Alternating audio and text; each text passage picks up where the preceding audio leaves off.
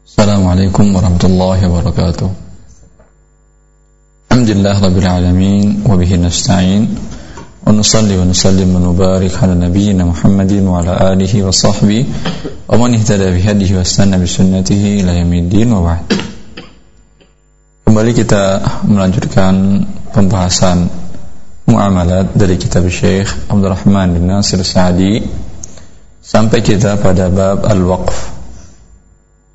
قال المؤلف رحمه الله باب الوقف هو تحبيس الأصل وتسبيل المنافع. شيخ رحمه الله بركاته باب tentang وقف. الوقف dalam bahasa Arab وقف وقفت الدبة أو وقف السير بمعنى امتنع عن السيري al-waqf berarti diam. Jadi dikatakan uh, waqafatid dabbah hewan tunggangan diam tidak bergerak tidak melanjutkan perjalanannya. Artinya dia enggan untuk melanjutkan perjalanan maka ini mewakaf dan munasabah antara makna lugawi dengan makna istilahi bahwasanya wakaf dalam makna syar'i di mana uh, al-mawquf atau barang yang diwakafkan, ain yang diwakafkan itu terlarang untuk dijual dan dipindahkan ke pemilikannya ya. dan tidak boleh dihibahkan ini munasabah antara makna logawi dengan makna syar'i adapun makna syar'i sebagaimana dijelaskan oleh muallif ini mengacu kepada hadis Rasulullah sallallahu alaihi wasallam yang beliau katakan kepada Umar bin Khattab radhiyallahu anhu yang dikeluarkan oleh Bukhari dan Muslim in syi'ta habbasta al-asla wa tasaddaqta biha. Dalam riwayat yang lain in syi'ta habbasta aslaha wa sabbalta manafi'aha sehingga al-muallif mengambil ini sebagai definisi. Dan ini sangat bagus sekali mengambil definisi sesuai dengan lafaz hadis Rasulullah sallallahu alaihi wasallam. Beliau mengatakan tahbisul asli wa tasbilul manafi'i. Waqaf berarti secara makna syar'i tahbisu al asli wa tasbilul manafi'i. Yaitu menahan al asal barang yang diwakafkan ditahan dihentikan untuk tidak dipindahkan kepemilikannya dan keluar kepemilikannya dari milik dia sendiri menjadi milik Allah Subhanahu wa taala. Wa tasbilul manafi'i sedangkan manfaat dari barang yang diwakafkan tersebut dijadikan tasbil menjadi milik Allah Subhanahu wa taala dan diberikan untuk kebaikan. Dan diberikan untuk kebaikan. Seperti uh, orang yang mewakafkan rumah toko atau rumah kantor atau rumah dia sendiri yang bisa ditempatin. Dia dia wakafkan. Ya. Maka rumah ini berpindah ke pemilikannya menjadi milik Allah. Dan tidak boleh dijual tidak diwarisi lagi tidak bisa dihibahkan.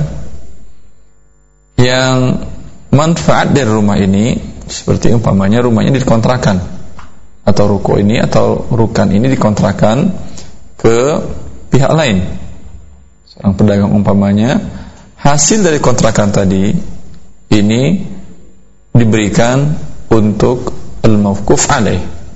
Untuk kepada siapa akan diserahkan wakaf tersebut atau dia memiliki sawah atau kebun kebun kelapa sawit atau kebun kurma di masa Rasulullah SAW di mana hasil dari kebun tersebut yaitu buahnya diberikan untuk al-maquf kepada siapa yang dia wakafkan yang dari sini nanti akan kita jelaskan aqsamul waqfi pembagian-pembagian wakaf berdasarkan maquf alaihi وهو من أفضل القرب وأنفعها إذا كان على جهة بر dan wakaf merupakan kurbah ibadah kepada Allah Subhanahu wa taala termasuk ibadah yang afdal ibadah yang sangat mulia sekali dalil dari menetapkan tentang wakaf ini dalil dalil dari Al-Quran kemudian dari sunnah-sunnah Rasulullah SAW dan ijma' para ulama ijma' para ulama dalam hal ini ya wakaf bagian dari kitab muamalat dan dia juga bagian dari kitab ibadah sebetulnya karena tasbilul manafi' di mana manfaatnya dijadikan untuk Allah Subhanahu wa taala.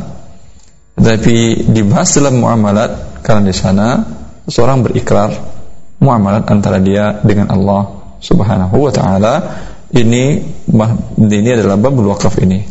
Dalilnya firman Allah Subhanahu wa taala. Ketika firman Allah Subhanahu wa taala turun, "Lan tanalul birra hatta tunfiqu mimma tuhibbun." bahwa Allah mengatakan kalian tidak mendapatkan kebaikan sampai kalian infakkan al-infaq berasal dari kata nafaqa yaitu an-nufuz keluar maka makna firman Allah lan tanalul birra hatta tunfiqu mimma tuhibbun. Sampai kalian keluarkan dari kepemilikan kalian apa yang kalian cintai. Diriwayatkan oleh al-immah dan lafaz nasai bahwasanya ketika firman Allah Subhanahu wa taala turun adalah Abu Talhah bapak angkat dari Anas dan suami dari Al-Ghumaisa atau Ar-Rumaisa mendatangi Rasulullah sallallahu alaihi wasallam dan mengatakan ya Rasulullah Allah anzala fi kitabih yas'aluna linunfiqa ma nuhibbu. Fa inna ardi lillah. Abu Talha mengatakan ketika turun firman Allah Subhanahu wa taala ini dan para sahabat Masya Allah Allah mensucikan mereka dan merekomendasi dan tazkiyah mereka tentang hal ini mereka adalah orang-orang yang tajibu lillahi wa lirrasul ila zada'akum lima yuhyikum Bila Allah memanggil mereka, Rasulullah menyeru mereka, maka mereka langsung menjawab panggilan tersebut tanpa berpikir panjang, tanpa menanyakan tafsir makna ayat tersebut, tanpa bertele-tele. Ketika mereka memahami bisaliqah dengan bahasa Arab mereka bahwa Allah mengatakan kalian tidak akan mendapatkan kebaikan sampai kalian menginfakkan mengeluarkan dari kepemilikan kalian sesuatu yang paling kalian cintai. Abu Talha langsung datangi Rasulullah Ya Rasulullah Allah meminta dalam Al-Quran Dalam kitabnya Bahwa kami harus mengeluarkan apa yang kami cintai. Sesungguhnya kebunku Bi'ruha Atau juga Bayruha Ini kebun kurma yang Bagus di Madinah Dan sumber sumber, sumber air di Bayruha ini Ini sering digunakan oleh Rasulullah SAW Mauha tayyib. Airnya sangat bagus. Sekali sini Rasulullah SAW minum di sana. Dia mengatakan ya Rasulullah sungguhnya kebun kurma bi ruha tersebut adalah kebun yang paling kucintai maka sekarang aku jadikan untuk Allah. Maka Rasulullah SAW mengatakan ij'alha fi aqaribik jadikan ini untuk keluargamu untuk kerabatmu ya ini dalil tentang masyru'iyah wakaf Kemudian juga dari sunnah Rasulullah SAW sunnah yang banyak. Ya, di antaranya hadis Umar bin Khattab radhiyallahu anhu yang juga muallif di sini menjelaskannya karena menjelaskan banyak eh, permasalahan ahkam tentang hukum-hukum tentang wakaf.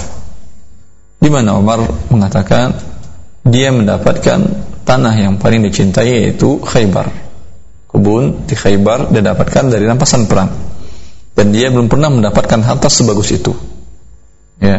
Lalu mengatakan kepada Rasulullah dan meminta Rasulullah istamiruni. Ya Rasulullah, perintahkan aku terhadap tanahku di Khaybar tersebut untuk apa aku berikan? Aku jadikan untuk apa ya Rasulullah? Ya. Maka Rasulullah mengatakan, "In syi'ta habbasta aslaha wa tasaddaqta biha. Kalau engkau ingin maka jadikan itu tanah tersebut. Engkau tahan. Tidak engkau miliki berarti menjadi milik Allah. Kemudian wa tasaddaqta biha sedangkan manfaatnya engkau sedekahkan. Ya. Uh, kemudian para ulama mengatakan ma min sahabiyyin min ashabi Rasulullah sallallahu alaihi wasallam zi maqdiratin illa wa lahu waqf. Tidak seorang pun sahabat Rasulullah sallallahu alaihi wasallam yang memiliki sesuatu harta benda melainkan mereka memiliki wakaf selain Abu Talhah tadi selain Umar bin Khattab Ibn Umar juga memiliki wakaf Zubair juga memiliki wakaf. Kemudian uh, Abdurrahman juga memiliki wakaf. Abu Bakar memiliki wakaf. Hampir seluruh Rasulullah sahabat Rasulullah SAW di makdiratin yang memiliki kemampuan yang mereka memiliki wakaf tersebut. Dan ini adalah ibadah yang mulia kepada Allah Subhanahu wa taala. Kemudian wakaf juga dalilnya dari sunnah Rasulullah hadis yang sering kita dengar. Idza mata al-abdu inqata'a amaluhu illa min salas sadaqatin jariyah. Bila seorang anak Adam wafat terputus amalannya dia. Artinya tidak bisa beramal lagi. Kecuali tiga hal di antaranya adalah sedekah jariyah. Dan sedekah jariyah adalah maksudnya adalah wakaf yang terus mengalir. Karena asalnya atau barang yang disedekahkan tersebut masih ada. Yang diambil hanyalah manfaatnya saja. Maka ini suatu hal yang sangat mulia seperti yang kita jelaskan. Wakf dibagi oleh para ulama berdasarkan mauquf alai kepada siapa untuk apa diwakafkan dan diniatkan dibagi menjadi beberapa, pembagian. Pertama wakful khairi. Kemudian wakful ahli kemudian wakful mushtarak kemudian al-waqf ala al-waqif. Nafsihi muddata hayatihi. Waqful khairi wakaf untuk jalan-jalan kebaikan. Ini biasanya yang umum yang dikenal di negara kita dan di mana pun kaum muslim mengenalnya ini. Seperti wakaf untuk masjid wakaf untuk madrasah dan yang lain. Kemudian yang kedua wakful ahli atau wakaf lezari dikenal juga. Wakaf untuk keluarga terdekat kerabat. Ya. Dalilnya adalah hadis Abu Talhah tadi. Ketika dia mengatakan ya Rasulullah ini kebunku hasilnya berarti untuk Allah kata dia jadikan untuk kerabatmu. Ya. Maka hasil tersebut diberikan untuk kerabatnya. Boleh ini. Dianjurkan seperti juga hadis Umar bin Khattab radhiyallahu anhu tersebut. Beliau memberikannya kepada akribanya. Dan Zubair juga melakukan hal yang sama. Beliau mengatakan hasil dari tanahku ini adalah untuk al-mutallaqat min dzurriyyati untuk anak-anak wanitaku yang diceraikan oleh para suaminya. Ini baik bagus sekali karena kalau kita wakafkan seluruhnya, kita tidak tahu apa yang akan terjadi dengan anak cucu kita dan kerabat kita. Kita wakafkan untuk masjid, tapi anak saudara kita, keponakan kita, saudara kita hidup di bawah garis kemiskinan. Terkadang makan, terkadang tidak. Padahal masjid yang kita wakafkan tersebut terkadang hanya untuk beli lampu hiasnya Anda beli. Tidak pakai lampu hias pun masjid itu cukup. Terkadang hanya untuk memperbesar kubah, mempercantik kubah digunakan. Maka ini bagian dari mubahah dalam masjid yang dilarang oleh Rasulullah sallallahu alaihi wasallam bagian berlomba-lomba untuk mempercantik masjid. Yang Rasulullah mengatakan ini tanda-tanda hari kiamat. Padahal dia memiliki kerabat yang hidup di bawah garis kemiskinan. Maka ini tidak bijak. Sehingga Rasulullah mengatakan kepada Abu Talha tadi, "Ja'alha fi aqaribik." Jadikan hasil wakaf tersebut untuk kerabat kamu. Nah, ini boleh dan dianjurkan dalam syariat Islam. Dan dalam banyak firman Allah Subhanahu wa taala, wa atuzal qurba haqqah. Allah memerintahkan untuk memberikan apa yang paling kau cintai dalam sedekah, dalam e, bantuan untuk kerabat. Untuk kerabat yang ada hubungan ar-rahim dengan Anda. Ini bentuk yang kedua, wakaf zarri atau wakaf ahli. Maka selama dia syaratkan umpamanya untuk kerabatku yang miskin, selama masih ada kerabatnya miskin, ya, bila tidak maka akan ber, akan diserahkan langsung manfaatnya untuk al-maksud syari yaitu kebaikan. Siapa saja yang miskin boleh setelah itu. Saat dia tidak memiliki lagi. Atau mustarak yaitu Mauquf alai dia bersyirikat dia mengatakan setengahnya untuk kerabatku, setengahnya untuk jalan kebaikan yang lain atau setengah itu masjid atau setengah itu madrasah. Boleh. Ini mustarak. Atau al-waqf ala al-waqifi nafsihi muddat hayatihi. Wakaf untuk si yang berwakaf sendiri selama dia hidup. Setelah dia wafat, bila dia mensyaratkan untuk keluarganya untuk keluarganya, bila tidak mensyaratkan berarti kembali untuk jihadul khair. Dan ini bagus. Ya. Seorang mungkin tidak punya ahli waris. Ya. Kalau dia serahkan sekarang hibahkan sekarang semuanya dia tidak memiliki apa-apa lagi. Karena sudah dihibahkan. Maka bagus dia wakafkan dengan mengatakan tanah ini, rumah ini, semua harta saya ini yang ada manfaatnya maka saya wakafkan untuk diri saya selama saya hidup. Setelah saya wafat bila dia tidak mensyaratkan kembali kepada jihadul khair untuk kebaikan. Dan ini pendapat ini dibolehkan oleh sebagian mazhab para ulama. Ini pendapat Al-Qadhi Abu Yusuf uh, sahabat Imam Abu Hanifah dan pendapat Ba'du Syafi'iyah dan pendapat sebagian Hanabila dan pendapat ini dipilih oleh Syekh Ibn Taimiyah Ibn Qayyim bahwa pendapat ini kuat ya berdasarkan kiasan ya, terhadap umul walad. Di mana umul walad adalah uh, budak wanita yang budak boleh digauli oleh tuannya.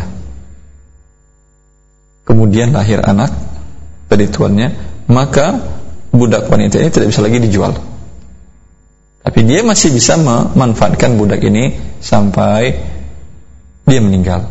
Setelah dia meninggal, budak ini langsung merdeka. Kemudian kiasan juga terhadap wakaf keseluruhan. Seseorang berwakaf untuk masjid atau masjid wakafnya dia. Dia bangun sendiri tanahnya sampai tanah milik sendiri dan dibangun gedungnya sendiri milik dia. Ya. Setelah dia wakafkan bahwa dia menyatakan ini wakaf nanti insya Allah kita jelaskan tentang rukun dan syarat wakaf dan wakaf alai insya Allah taala sudah keluar menjadi pemilikan dia menjadi milik Allah.